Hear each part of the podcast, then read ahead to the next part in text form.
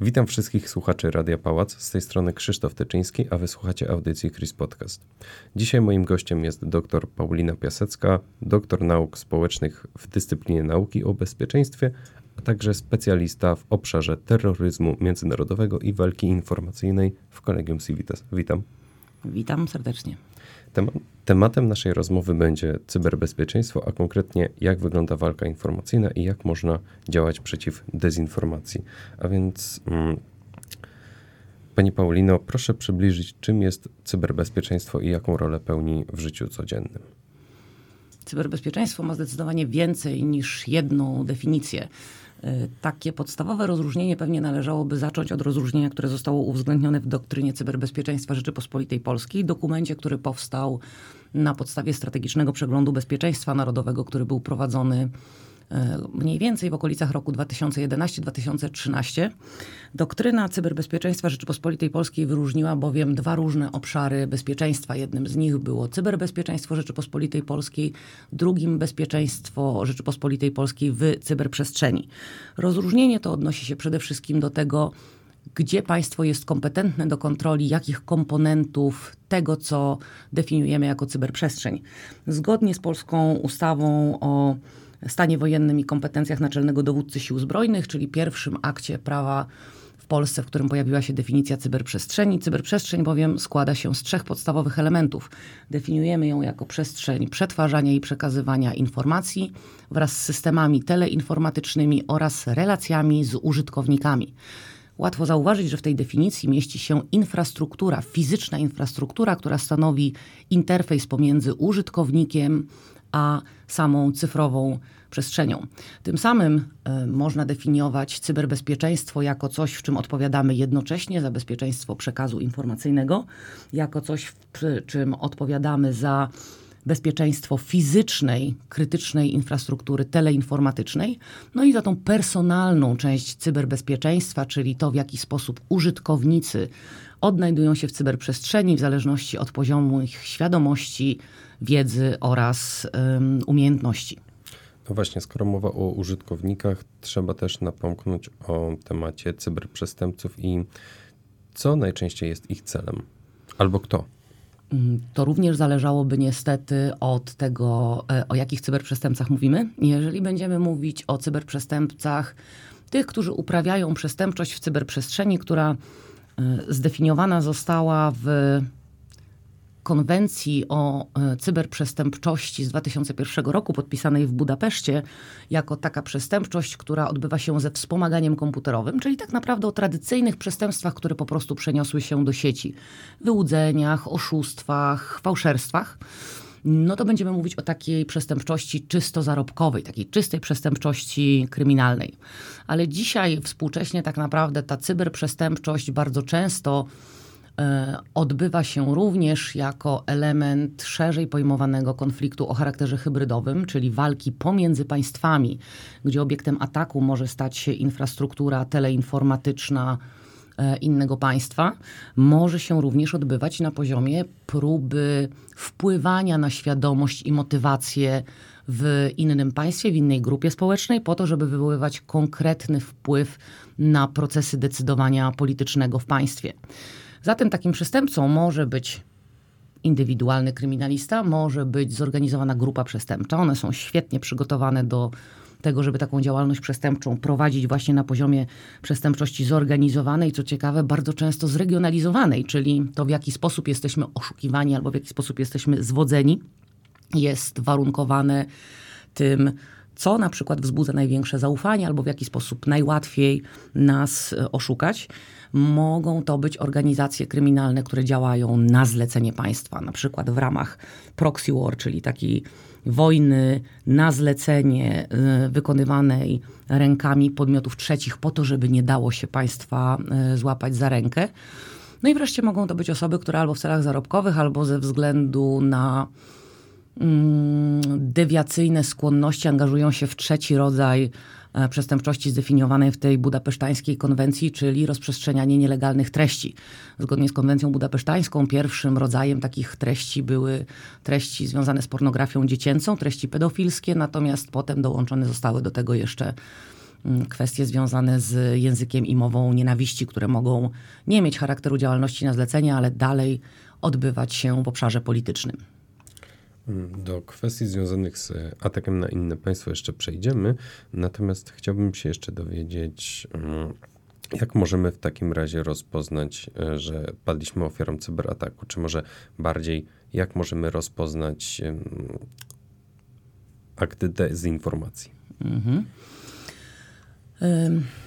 To jest bardzo trudne pytanie i myślę, że jest to wyzwanie tak naprawdę, z którym mierzą się e, właściwie wszystkie państwa, cała społeczność międzynarodowa mierzy się z tym wyzwaniem, dlatego że niestety w świecie tak zwanej postprawdy, bo przecież e, o takim świecie mówimy, o takim środowisku informacyjnym mówimy, jest tak, że to, że wierzymy w fake newsy, to, że wierzymy w elementy cudzej narracji, która ma zaszczepiać na przykład jakieś konkretne linie narracyjne, w naszych głowach, w naszej takiej uwspólnionej świadomości, wynika bardzo często z tego, że my nie mamy czasu na, wery na weryfikowanie każdej oddzielnej informacji, każdej cząstki danych, z którymi się spotykamy.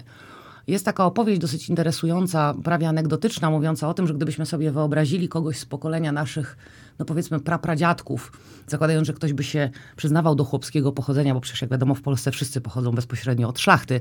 E, natomiast gdyby ktoś się przyznawał do takiego chłopskiego pochodzenia, no to wyobraziłby sobie człowieka, który przez kilka dekad swojego życia e, wychodzi rano na podwórze, widzi tych samych kilkanaście czy kilkadziesiąt osób, które mieszkają w tej samej miejscowości, czy też w tej samej wsi, wygania te same krowy albo potomstwo tych samych krów na to samo pole, żyjąc w bardzo, bardzo zamkniętym świecie. I dopływ informacji, który taka osoba musiała przetwarzać, e, pewnie był przez całe życie taki, jak my mamy w ciągu tygodnia, no ewentualnie kilku tygodni.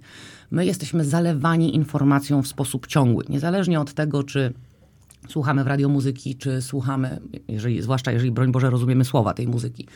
E, jesteśmy zalewani informacją, jak słuchamy e, serwisów informacyjnych, kiedy pracujemy, przecież tak naprawdę większość z nas już dzisiaj pracuje tylko i wyłącznie z informacją, kiedy spotykamy się z ludźmi, kiedy odbieramy jakąkolwiek rozrywkę. W związku z tym przeciwdziałanie dezinformacji tak naprawdę powinno mieć co najmniej dwa wymiary. Za obydwa odpowiedzialnością obciążyłabym państwo.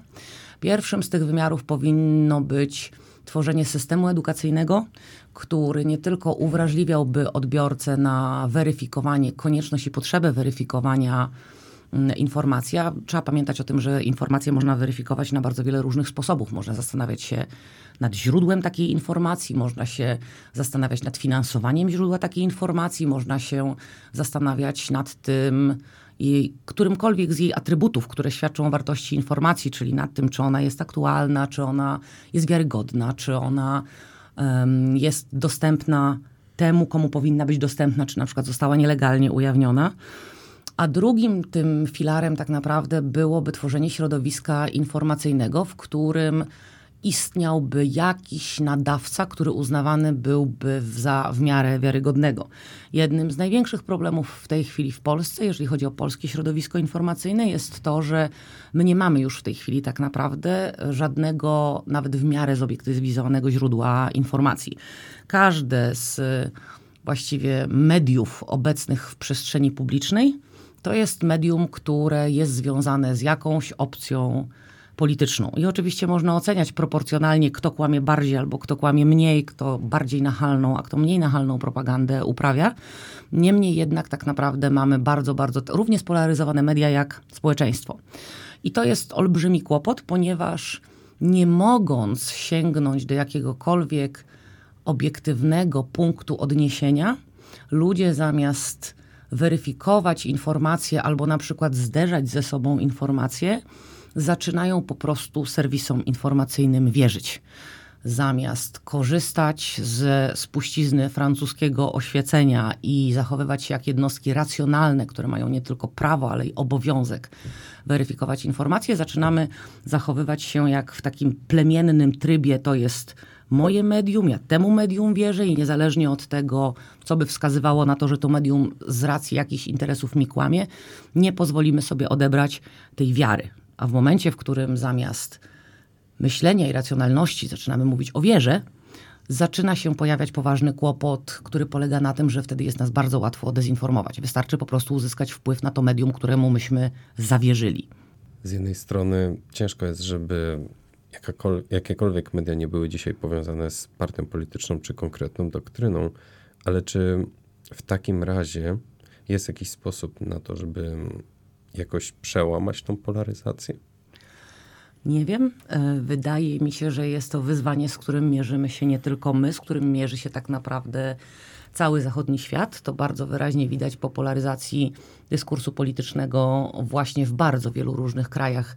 Ostatnie wydarzenia w Stanach Zjednoczonych na przykład wskazują na to bardzo wyraźnie, że ideologie już tak naprawdę na dobrą sprawę zaczynają wpływać na e, interpretację, a właściwie nawet reinterpretację precedensów na poziomie Sądu Najwyższego Stanów Zjednoczonych i ewidentnie widać, że jest to efekt tak naprawdę jakichś przemian kulturowych albo jakiegoś takiego powrotu do bardzo tradycyjnego e, rozumienia niektórych kwestii społecznych, które w sposób naturalny wpływają na system prawny.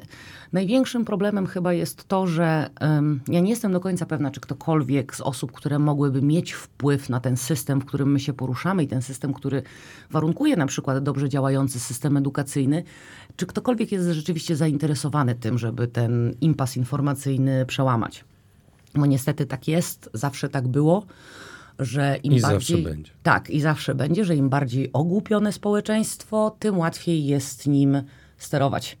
E, a zatem pytanie właściwe, które należałoby sobie zadać, to jest pytanie dotyczące tego, czy z tego błędnego koła, w którym się znajdujemy, czyli błędnego koła, w którym e, bardzo sprzyjające takim manipulacyjn, takiemu manipulacyjnemu sposobowi tworzenia polityki można jeszcze przełamać, to oznacza, e, czy rzeczywiście mamy szansę na to, że kiedykolwiek pojawi się taka siła polityczna, która rzeczywiście będzie myślała w kategoriach racji stanu, w kategoriach strategicznej, długofalowej polityki, zamiast e, doraźnego zysku politycznego.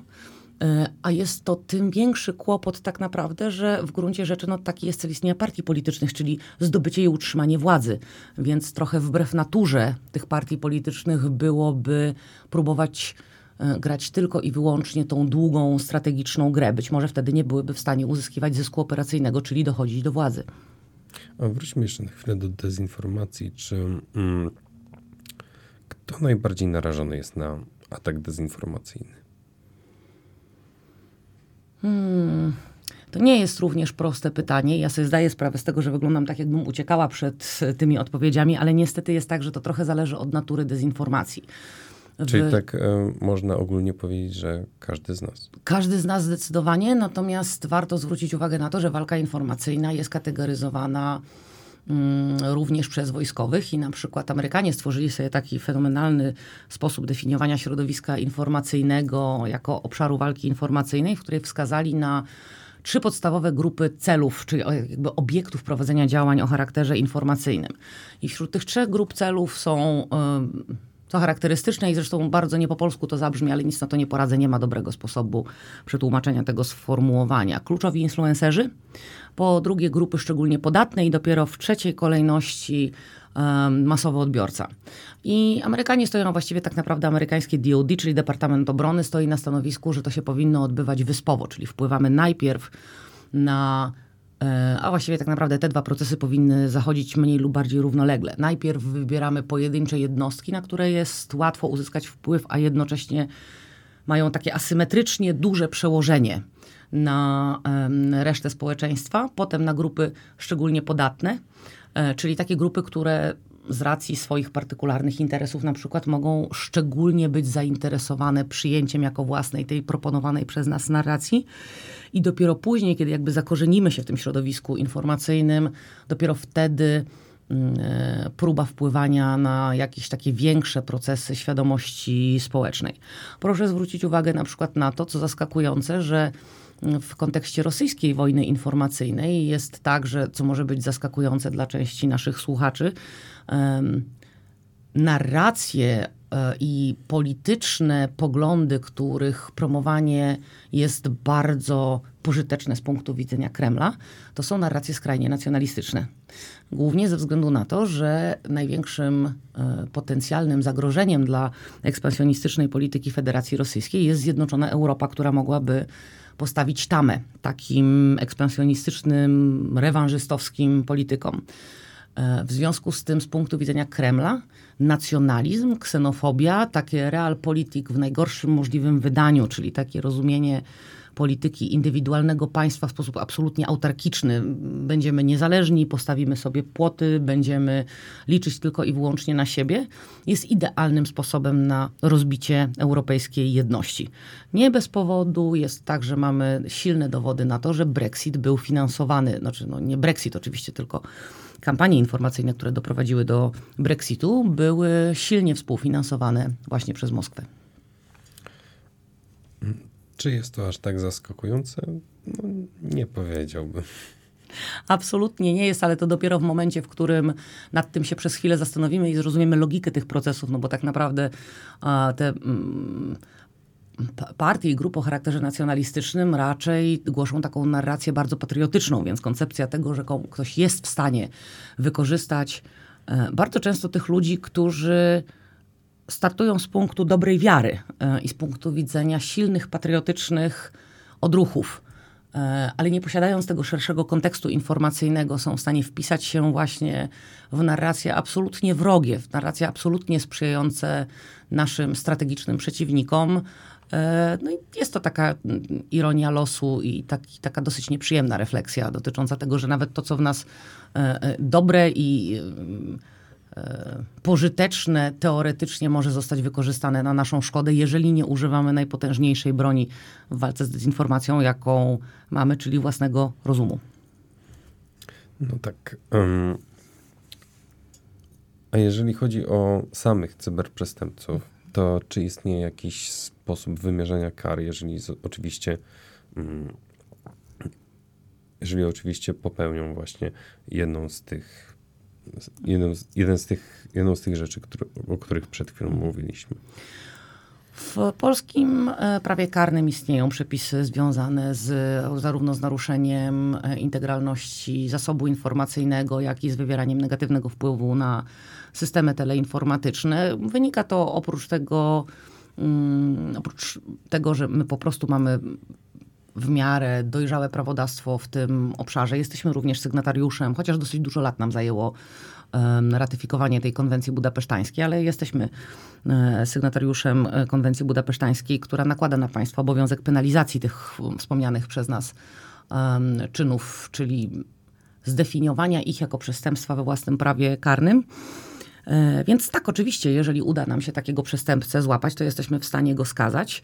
Oczywiście bardzo dużym problemem tutaj bardzo dużym wyzwaniem jest to, że w cyberprzestrzeni jak nie trudno się domyślić, nie ma y, granic. A ponieważ nie ma granic, to przestępstwo, które jest popełnione na szkodę osoby prawnej y, w Polsce albo na szkodę indywidualnego obywatela, osoby fizycznej w Polsce może być popełnione tak naprawdę z dowolnego zakątka globu. Ponieważ może być popełnione z dowolnego zakątka globu i bardzo często jest, to spotykamy się z wyzwaniem polegającym na tym, w jaki sposób tak naprawdę ustanowić polską jurysdykcję i w jaki sposób mielibyśmy tak naprawdę tego kogoś pojmać i postawić przed obliczem wymiaru sprawiedliwości.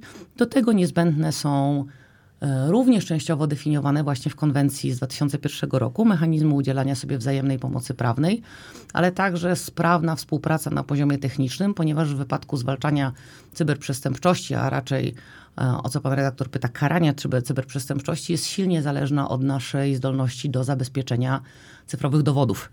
A to jest skomplikowane na poziomie technicznym, e, no i bardzo, bardzo trudne w sytuacji, w której nie ma e, umów o wzajemnej pomocy prawnej, zwłaszcza w obszarze właśnie zabezpieczenia tych cyfrowych dowodów. A jak właściwie wygląda proces ścigania cyberprzestępców? Bo tak jak pani powiedziała, że w cyberprzestrzeni nie ma granic, to na pewno trzeba stosować jakieś inne metody niż, mm, niż e, w szukaniu tych konwencjonalnych przestępców. No tak naprawdę, jeżeli chodzi o cyberprzestępczość, to e, w znacznej mierze tak e, identyfikujemy trendy. E, to widać chyba tak naprawdę i my indywidualni słuchacze audycji na pewno nieraz dostali dziwne SMS-y o treści właśnie twoja paczka czeka na odbiór, dopłać 37 groszy za dezynfekcję albo na dzień 20 ostatnio chyba dzień albo dwa dni temu dostałam kolejną rewelacyjną informację pod tytułem na dzień 27 czerwca zostało zaplanowane odłączenie energii elektrycznej Mm, kliknij w link, aby zapłacić rachunek szczęśliwie, oprócz tego, że... Albo coś w stylu wygrałeś coś tam, Och, coś tak, tam na i, Whatsappie i ostatnio. Twoje, twoje konto tak. jest zagrożone. Tak, tak, tak, tak, tak. E, więc identyfikujemy trendy. No, mm, organa ścigania otrzymują zawiadomienia o popełnieniu przestępstwa. W, doskonale wiemy, że w polskiej policji funkcjonują Mm, wydziały do spraw przestępczości komputerowej. To zresztą teraz y, w zeszłym, w zeszłym roku albo w początku tego roku zostało zresztą zapowiedziane przecież stworzenie biura do spraw zwalczania cyberprzestępczości. E, dosyć specyficzny proces to jest to tworzenie tego biura do spraw cyberprzestępczości, ponieważ pierwsze zapowiedzi dotyczące stworzenia mm, tego nowego tej nowej komórki mm, w strukturach Komendy Głównej Policji. Mówiło o tym, że nie tylko ona ma być uetatowiona na bardzo wysokim poziomie, tam chyba było zapowiedzianych 1800 etatów, to jest olbrzymia liczba etatów, biorąc pod uwagę, że to mają być specjaliści od cyberbezpieczeństwa, ponieważ jak powszechnie wiadomo, to chyba nie jest dla nikogo tajemnica, jednym z największych wyzwań, jeżeli chodzi o budowanie systemu cyberbezpieczeństwa w państwie takim jak Polska, jest to, że nas po prostu nie stać na tych specjalistów. Pomijam oczywiście sam deficyt e, specjalistów od cyberbezpieczeństwa e, i specjalistów z zakresu IT. Z tym się zmaga nie tylko administracja publiczna, ale również sektor prywatny. Mm, ale nas po prostu nie stać na to jako państwa, żebyśmy byli konkurencyjni w stosunku do sektora prywatnego. Nie jesteśmy w stanie tym ludziom tyle zapłacić. Więc zapowiedź uetatowienia na poziomie 1800 osób, takich specjalistów, była sama w sobie dosyć odważną zapowiedzią.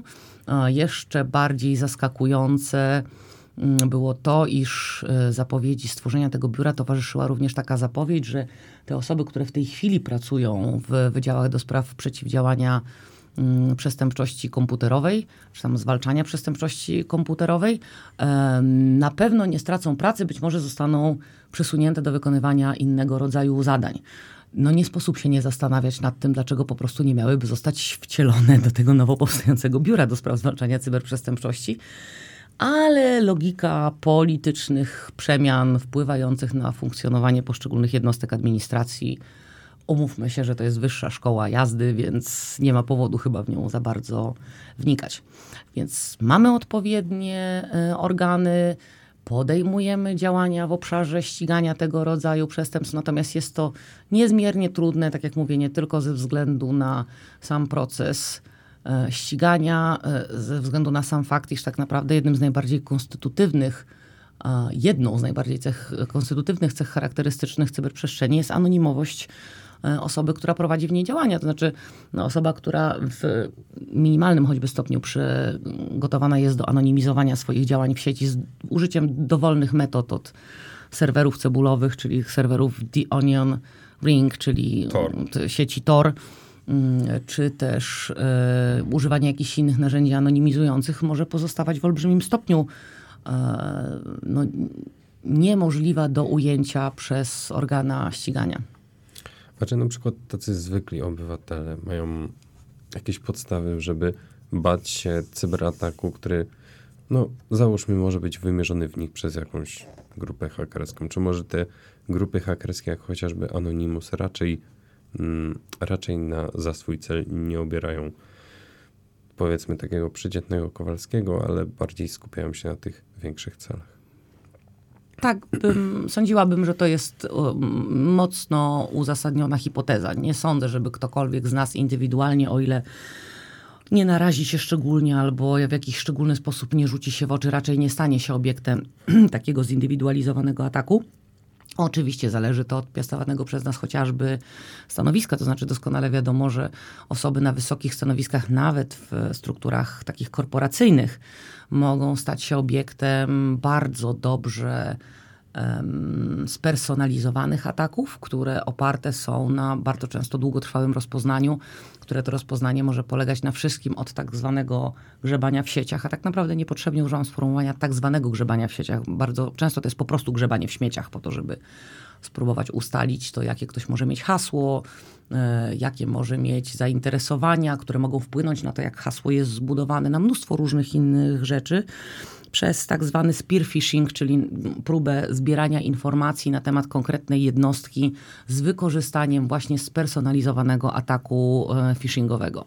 Co nie oznacza, że zwykli obywatele nie mają się obawiać działalności grup hakerskich i grup przestępczych, tyle tylko, że po prostu my wpadamy w sieci jak ten, y, takie, takie szeroko zarzucone sieci. Po prostu nikt nie poluje na nas z harpunem mhm. jak na wieloryba, tylko zbiera tak naprawdę bardzo duże, bardzo często bardzo duże liczby osób, bo nawet jeżeli y, bardzo wielu z nas ustrzeże się takiego ataku, to znaczy już wie, że nie należy klikać przypadkowych linków, że należy sprawdzać, czy na przykład w wypadku tego mojego SMS-a, że zostało zaplanowane odłączenie energii elektrycznej, należy użyć mózgu e, i zorientować się, że tam jest inny dostawca energii, chociażby podany w tym SMS-ie no to zawsze znajdzie się jakiś procent, bardzo często spory procent e, osób, które w ten link klikną.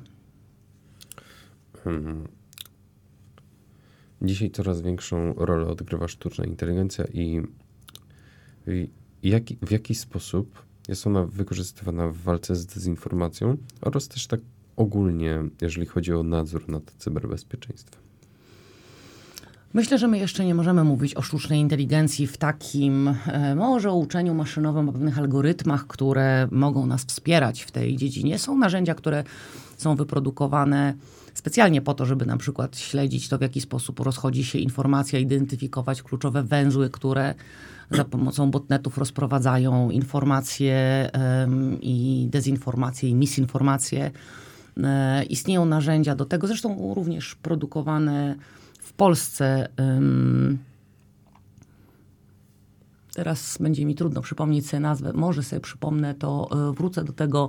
E, jest polska technologia, która pomaga właśnie w wyszukiwaniu takich charakterystycznych sposobów rozchodzenia się informacji, które wskazują na to, że ta informacja jest sztucznie um, generowana.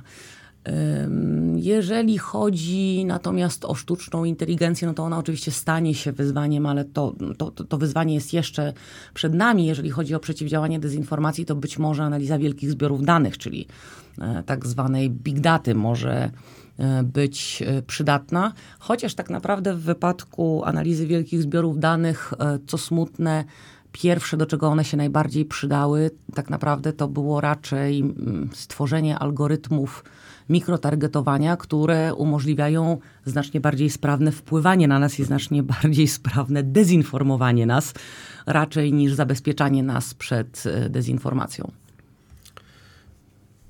Na jaką skalę toczy się obecnie w Polsce wojna informacyjna? No, olbrzymią. No, olbrzymią. Wszyscy, którzy chcieliby mieć wątpliwości co do tego, powinni zajrzeć, y, najpierw sprawdzić, czym jest East Stratcom Task Force, czyli taki, takie unijne ciało, które zostało powołane przy Europejskiej Służbie Działań Zagranicznych, specjalnie po to, żeby przeciwdziałać. E, I tu już wprost ono zostało stworzone po to, żeby przeciwdziałać kremlowskiej, kremlowskiej dezinformacji. Już nikt nawet nie próbował udawać, że to jest jakiś ogólny e, wysiłek. Można powiedzieć, że w sumie powstała ona właśnie w tym celu? Myślę, że tak. Myślę, że tu akurat w tym wypadku, biorąc pod uwagę, że to się nazywa IST, z rzadką Task Force, można bez większych Już problemów sam, W samej nazwie tak, jest w samej nazwie jest sygnał. Mm, I jeżeli ktoś byłby zainteresowany, to powinien znaleźć sobie zarówno stronę tego ciała, jak i kanał na YouTubie. One się nazywają, obydwa mają w nazwie EU versus Disinfo, czyli EU VS Disinfo. Mhm. Na YouTubie można znaleźć mnóstwo absolutnie fascynujących analiz dotyczących nie tylko Polski, ale też poszczególnych innych krajów Europy Środkowo-Wschodniej. Mm, wraz z przywołanymi konkretnymi przykładami manipulacji, propagandy, które się odbywają w Federacji Rosyjskiej, w mediach, które z Federacji Rosyjskiej promieniują na bliższe i dalsze otoczenie tego państwa, wraz z rozmaitymi metodami weryfikacji tych działań dezinformacyjnych. Co więcej, po rozpoczęciu wojny w Ukrainie e, pojawiły się informacje i takie analizy również są w sieci dostępne dotyczące tego, jak sprawnie przekształcały się portale antyszczepionkowe i profile antyszczepionkowe w profile antyukraińskie i prorosyjskie. I tak naprawdę my nie mamy prawa mieć wątpliwości co do tego, tak naprawdę naszym obowiązkiem jako świadomych obywateli jest to, żeby zrozumieć, że ktoś na nas próbuje wpływać i to, że ten wpływ może być ogromnie, ale to ogromnie niebezpieczny w kontekście potencjalnego rozwoju dalszych działań o charakterze, no powiedzmy, wrogim e, w warunkach wojny hybrydowej. To znaczy, ta walka informacyjna zazwyczaj nie jest prowadzona tylko i wyłącznie po to, żeby skończyć się na poziomie konfliktu informacyjnego. Może natomiast stanowić jeden z najlepszych mechanizmów przygotowania tak zwanych warunków konfliktu hybrydowego, czyli stworzenia sytuacji w państwie docelowym sprzyjającej ewentualnemu atakowi hybrydowemu. I tych warunków, które się wykształca w takim państwie docelowym jest kilka. E, pierwszym z nich jest znaczna polaryzacja społeczna, drugim jest pozyskanie mm, sprzyjających postaw grup o jakichś partykularnych interesach zbieżnych z interesami agresora. Po trzecie, znaczna centralizacja procesu decyzyjnego. W sposób naturalny, im bardziej scentralizowany jest proces decyzyjny, tym mniejszego wysiłku wymaga wpływanie na ten proces decyzyjny. Więc centralizacja procesu decyzyjnego na poziomie politycznym podważanie zaufania do administracji i skuteczności działania zarówno administracji, jak i służb bezpieczeństwa i porządku publicznego i wreszcie mm, e, sprzyjanie pojawianiu się procesów korupcyjnych i takich procesów dezintegracyjnych. Jakbyśmy się przyjrzeli rzeczywistości społeczno-politycznej w Polsce, to myślę, że nie tylko na poziomie analizy tego, co się dzieje i co można znaleźć w sieci, ale także tego, jakie są tego efekty w naszym otoczeniu społeczno-politycznym, e, bez większego problemu można stwierdzić, że jesteśmy przedmiotem, jesteśmy obiektem ataków w wojnie informacyjnej. Jesteśmy też jednym z narzędzi tej wojny, jeżeli można tak powiedzieć. Myślę, że tak, aczkolwiek e, może zastanawiam się, może jesteśmy jednym z takich pośrednich e, właściwie bezpośrednich celów prowadzących do osiągnięcia celu pośredniego, którym może być na przykład właśnie dezintegracja na poziomie Unii Europejskiej. Dynamizowanie i wspomaganie takich odśrodkowych procesów w Unii Europejskiej, jak już wspomnieliśmy, niezwykle sprzyja interesom Kremla, zwłaszcza w sytuacji, w której od e, jednolitej i stanowczej odpowiedzi społeczności międzynarodowej zależy potencjalne zakończenie e, tych wrogich działań ze strony Federacji Rosyjskiej. A warto pamiętać o tym, że nam powinno naprawdę zależeć na utrzymaniu tego jednolitego frontu europejskiego czy też transatlantyckiego, może gdybyśmy pod uwagę brali NATO, a nie Unię Europejską, a najlepiej jedno i drugie, ze względu na to, że niestety rosyjska Duma podważa niepodległość, wycofuje się z uznania niepodległości Litwy, a pan były prezydent Miedwiediew pozwala sobie na e, udzielanie wywiadów, w których mówi o tym, że następnym e, celem denazyfikacji powinna być Polska ponieważ jest rusofobicznym i nazistowskim krajem. Powinniśmy sobie zdawać sprawę z tego, że wszelkie działania, które podważają nie tylko naszą pozycję w tych e, organizacjach międzynarodowych i sojuszach międzynarodowych, e, ale także działania, które dezintegrują w ogóle spójność społeczności międzynarodowej, tej zachodniej społeczności międzynarodowej, to są działania, które bezpośrednio zagrażają polskiej racji stanu, a także bezpieczeństwu państwa, jego obywateli E, i interesów, zarówno w wymiarze wewnętrznym, jak i zewnętrznym. W jak szybkim tempie taka wojna hybrydowa może przerodzić się w otwarty konflikt? Bo podejrzewam, że to też e, przebiega w różnym stopniu, w zależności od tego, jak, jak, jak dobrze zorganizowana jest chociażby propaganda, czy jak dobrze działają ogólne systemy cyberbezpieczeństwa. Mhm. To trudno tak naprawdę chyba by było dokładnie określić. Trochę zależy też od tego, jakie cele realizuje ewentualny agresor. Tak? No, w wypadku Ukrainy wiadomo, że działania na froncie informacyjnym rozpoczęły się na jakieś 5-7 lat przed operacją krymską. E, były tylko i wyłącznie dynamizowane w okresie pomiędzy e, okupacją Krymu a wojną 2022 roku, chociaż warto pamiętać, że tam akurat również dosyć silny wpływ był wywierany za pomocą innych środków wojny hybrydowej, czyli na przykład właśnie tych działań korupcjogennych, działań odśrodkowych. Mm, więc to trochę zależy od tego, czy ktoś gra z nami w długą grę, bo na przykład bardziej mu zależy na tym, żebyśmy działali odśrodkowo w Unii Europejskiej i wtedy nie opłaca się atakować bezpośrednio naszej suwerennej pozycji, no bo w momencie, w którym wypadniemy z obiegu e, równoprawnych graczy w Unii Europejskiej, w sposób naturalny będziemy, nie będziemy mogli wywierać wpływu e, dezintegracyjnego e, w Unii Europejskiej. Gdyby jednak podjęto decyzję z jakiegoś powodu, że wojna rosyjsko-ukraińska ma się przerodzić w konflikt globalny, no to wtedy wiadomo, Czego że albo Pribałtika, tak, albo Pribałtika, albo my, to będzie dobry test na spójność NATO, bo to są tak naprawdę dwa um, pewnie tak naprawdę pozytywne z punktu widzenia Kremla scenariusze. To znaczy, mm, jeden taki, w którym okazuje się, że NATO się cofa, a jakiekolwiek cofnięcie się NATO, zwłaszcza w kontekście zaatakowania któregoś z państw natowskich,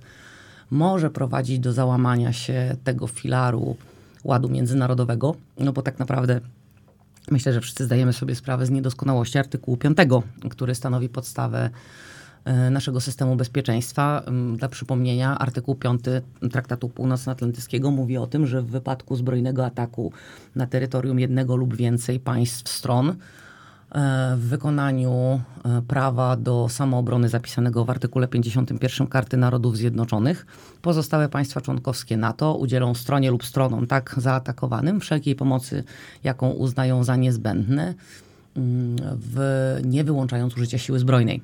E, I to sformułowanie tak naprawdę jest sformułowaniem, które z punktu widzenia państw, które tak jak Polska są silnie zależne od tych sojuszniczych em, rozwiązań, jest bardzo wadliwe. To znaczy ono nie gwarantuje nam bezwarunkowego udzielenia pomocy zbrojnej. Mówi tylko o tym, że dostaniemy taką pomoc, jaką nasi, jaką nasi sojusznicy uznają za niezbędną.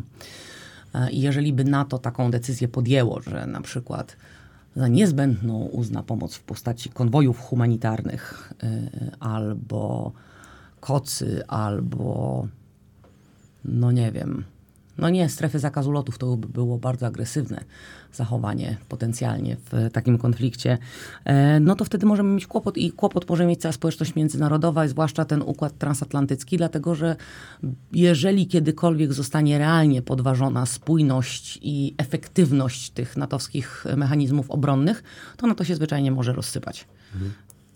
A czy jest jakaś szansa na to, że Rosja zaatakuje któreś państwo członkowskie? Czy raczej może są to takie pogróżki, które niewiele mają wspólnego z rzeczywistością? E, Nie posiadam kryształowej kuli, e, w związku z tym ani wglądu, ani dostatecznie dużej kompetencji w zakresie psychoanalizy, żeby wniknąć w głowę Władimira Putina i jego otoczenia. Natomiast e, bałabym się udzielać jakiejkolwiek definitywnej odpowiedzi. Znaczy, moim zdaniem zależy to od kilku czynników. Po pierwsze od tego, czy rzeczywiście e, Kijów miał paść e, ofiarą Blitzkriegu. Jeśli rzeczywiście wojna w Ukrainie była planowana na trzy dni e, i jej celem było odebranie suwerenności Ukrainie, przejęcie kontroli nad produkcją żywności w tym państwie i w ten sposób wpływanie na międzynarodowe rynki, to szansa na to, że dalej się ten konflikt rozwinie, wygląda zupełnie inaczej niż w sytuacji, w której on od samego początku był planowany jako długa wojna. E, Istnieją takie koncepcje mówiące o tym, no bo jakby to, że e, wojna w Ukrainie wpływa na mm, stabilność rynków żywnościowych, to jest już na tym etapie chyba w ogóle niedyskutowana teza. Wiemy o tym, że Rosja na spółkę z Ukrainą są producentami około 12 12% kalorii spożywanych rocznie na świecie. Wyjęcie tej produkcji, czy produkcji po stronie ukraińskiej, a zablokowanie handlu po stronie rosyjskiej w związku z międzynarodowymi sankcjami może spowodować kaskadowe występowanie konfliktów w skali globalnej. Znaczy, wiadomo, wielkie ruchy społeczne bardzo często zaczynają się od tego, że nie ma co jeść albo ceny żywności znacznie rosną. Jest sporo krajów, zwłaszcza w Afryce Północnej, które są bardzo silnie zależne od importu żywności z Ukrainy. A są to państwa, które i tak same w sobie nie są najbardziej na świecie stabilne. W związku z tym możemy sobie wyobrazić scenariusz, w którym przedłużająca się wojna w Ukrainie i przedłużające się sankcje wywierają dramatycznie niszczący wpływ na stabilność rynków um, żywności. E, już teraz tak naprawdę ta wielka fala głodu jest zapowiadana w gruncie rzeczy przez urzędników ONZ-owskich. Mm, I wtedy, że Europa zwraca się ku południowi w sposób naturalny, bo co się stanie, jak zaczną się konflikty w Afryce Północnej? Zacznie się presja migracyjna w sposób naturalny. Ludzie będą uciekali przed głodem, ludzie będą uciekali przed zmianami klimatycznymi, a to są procesy, które będą się nawarstwiać i będą się wzajemnie wzmacniać. Więc Europa odwróci się od wschodu Europy w kierunku południa, stawi czoła. Tak zresztą dokładnie, proszę zwrócić uwagę, wyglądał scenariusz konfliktu w 2014-2015 roku. Europa już prawie była gotowa porządnie i realnie i efektywnie pogrozić Rosji palcem, tylko że z jakiegoś zupełnie nieznanego powodu akurat wtedy zaczął się szczyt migracyjny. E, no i Europa zajęła się sama sobą. W związku z tym można sobie wyobrazić. Stworzyło to idealne warunki do tego, żeby Rosja dalej prowadziła swoją, Tak. swoją propagandę. Tak. E, Co oczywiście każe zadać pytanie, czy przez przypadek, czy, czy, czy, czy, czy rzeczywiście e, zbieg e, okupacji Kremla, przepraszam, zajęcia Krymu, zbieg zajęcia Krymu i ten szczyt presji migracyjnej to był przypadek. Ja bym odważnie stwierdził, że raczej nie ma czegoś takiego jak przypadki. Nie ma przypadków, są tylko znaki. E, W związku z tym ten scenariusz dosyć dobrze przetestowany. E, W tej chwili bardzo możliwe, że się powtórzy. My jeszcze nie mamy pojęcia, co zrobią Chiny e, w dłuższej perspektywie, bo jeżeli Chiny postanowią w pewnym momencie wykorzystać sytuację, bo to jest w ogóle zaskakujące, no, nad tym się warto zastanawiać, dlaczego Chiny zajmują taką pozycję, niepozycję e, w kontekście konfliktu w Ukrainie. Ani tej Rosji bardzo mocno nie wspierają, bardzo głośno, ale z drugiej Ale z strony... drugiej strony też nie za bardzo chcą ją. Tak, chcą się od niej utopić. odcinać. No.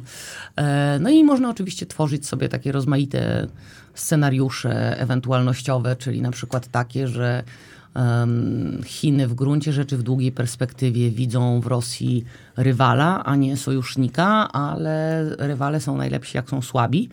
Więc nie pozwolą Rosji upaść teraz, bo im dłużej Rosja się wykrwawia na tej takiej wojnie, która ze strony Zachodu jest tak naprawdę proxy war, ze strony Rosji nie, ale ze strony Zachodu to jest takie proxy war, dopóty, dopóki to się nie toczy na naszym terytorium, dopóki tylko dostarczamy broń, to dla nas to jest takie proxy war, to Chiny wspierają Rosję na tyle, żeby ona się dalej mogła efektywnie wykrwawiać, a potem zostaną tak naprawdę jako jedyny przeciwnik Zachodu i potem y, w międzyczasie Moim zdaniem przed zakończeniem konfliktu rosyjsko-ukraińskiego może się okazać, że Chiny się ruszą e, na Pacyfiku e, i postanowią coś zrobić z Tajwanem. I wtedy my będziemy mieli wszyscy naprawdę bardzo poważny kłopot, bo jeżeli Stany Zjednoczone wykonają pivot w kierunku Pacyfiku, to my wtedy będziemy mogli rzeczywiście sobie pozastanawiać się nad tym, jak bardzo jesteśmy niezależni, jeżeli chodzi o obronność i bezpieczeństwo Europy. Aczkolwiek tutaj już y, może się okazać, że niebezpiecznie wchodzimy na grunt teorii spiskowych, aczkolwiek no, wszystkie znaki Mhm. na ziemi i na niebie mówią coś zupełnie odwrotnego. Znaczy nie, nie wydaje mi się, żeby to można było mówić o, o, w kontekście teorii spiskowych. To są tak naprawdę analizy strategiczne. Tak, tak. Chodziło mi bardziej o to, że może się tak tylko wydawać, aczkolwiek Mhm. trzeba uważnie obserwować, żeby wiedzieć, że jednak nie są to żadne, Mhm. mm, tak, żadne takie gadania, a to się faktycznie dzieje. To warto tak naprawdę spoglądać na. em, to może być ciekawe dla wszystkich, którzy zastanawiają się nad tym, na ile przyszłość daje się przewidywać i na ile daje się prognozować e, trendy długoterminowo. E, Amerykańska Rada Wywiadu mm, produkuje taki dokument, który się nazywa Global Trends. On zazwyczaj wystaje kilkanaście lat w stosunku do momentu, w którym jest opracowywany, ale jako ciekawostkę można powiedzieć, że mm, o pandemii COVID y, sporo ekspertów mówiło jako o czarnym łabędziu, czyli tym takim niespodziewanym wydarzeniu, które wpłynęło na naszą rzeczywistość.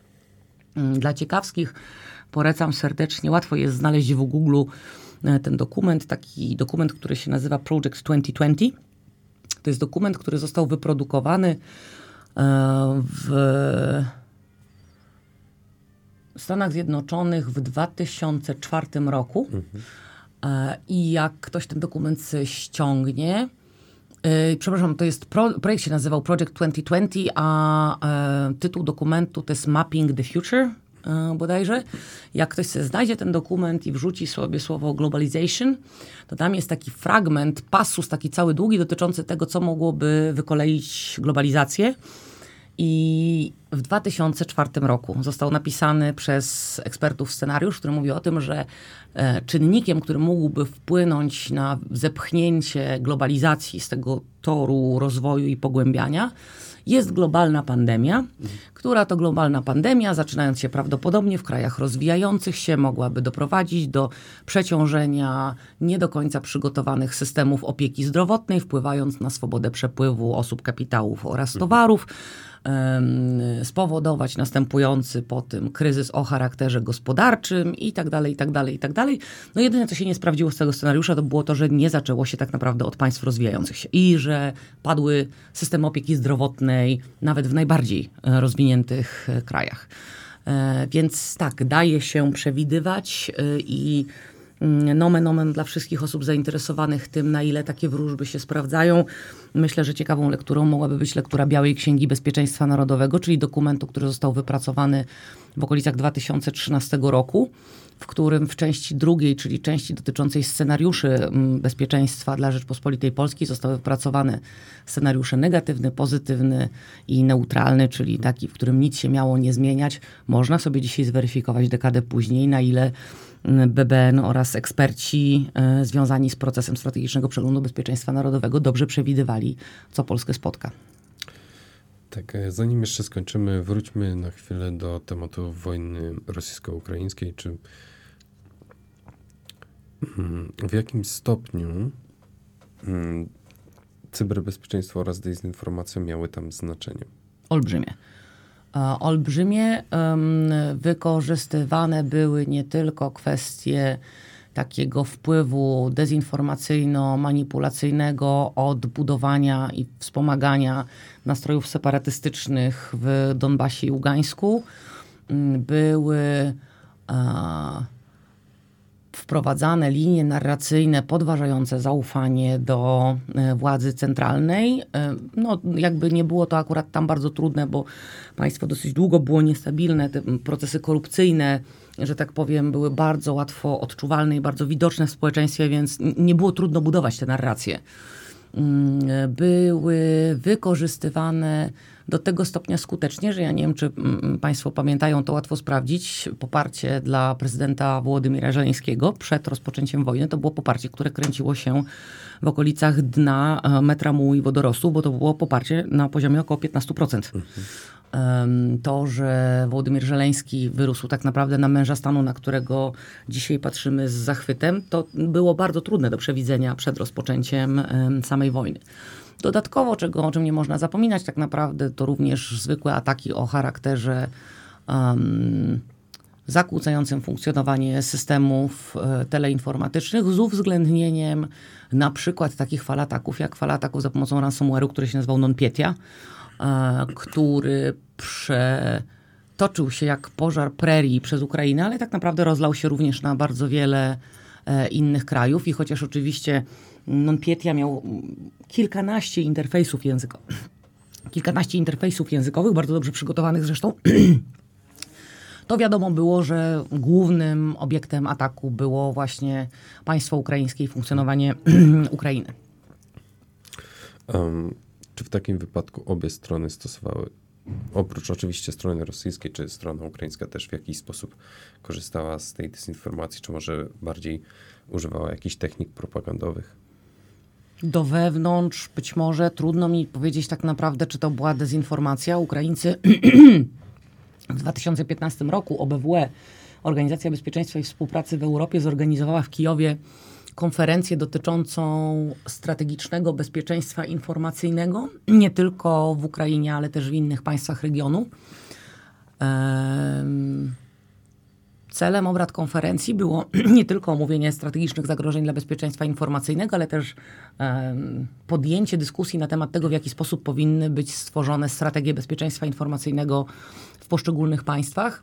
I już wtedy Ukraina em, miała ministerstwo e, informacji, Ministerstwo Polityki Informacyjnej razem z taką kampanią opartą na haśle, że najlepszą kontrpropagandą jest prawda. I Ukraińcy e, prowadzili bardzo szeroko zakrojone działania o charakterze, no można by to było określić mianem aktywnej obrony.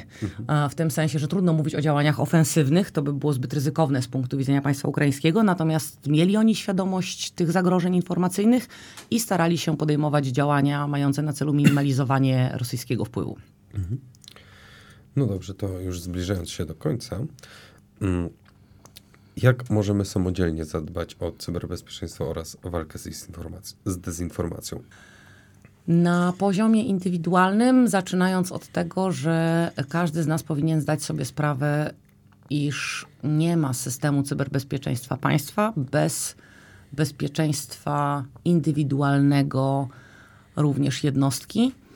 E, Powinniśmy zdać sobie sprawę z tego, że fakt, iż pracujemy z informacją, niektórzy z nas pracują z informacją w instytucjach czy służbach czy organizacjach, które przetwarzają mm, lub korzystają z zasobu informacyjnego, który może być istotny z punktu widzenia państwa.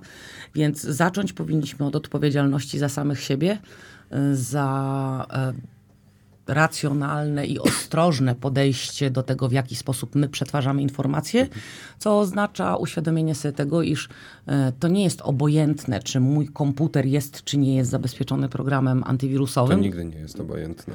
Zwłaszcza jeśli na przykład y, pracujemy częściowo zdalnie, a częściowo w domu. I jeżeli na przykład jest szansa, że przeniesiemy mm, zawirusowanego e, pendrive'a z domu do pracy albo z pracy do domu, y, powinniśmy sobie zdać sprawę z tego, że korzystanie z takich najbardziej podstawowych zaleceń dotyczących higieny cyfrowej, czyli posiadanie zaktualizowanego systemu.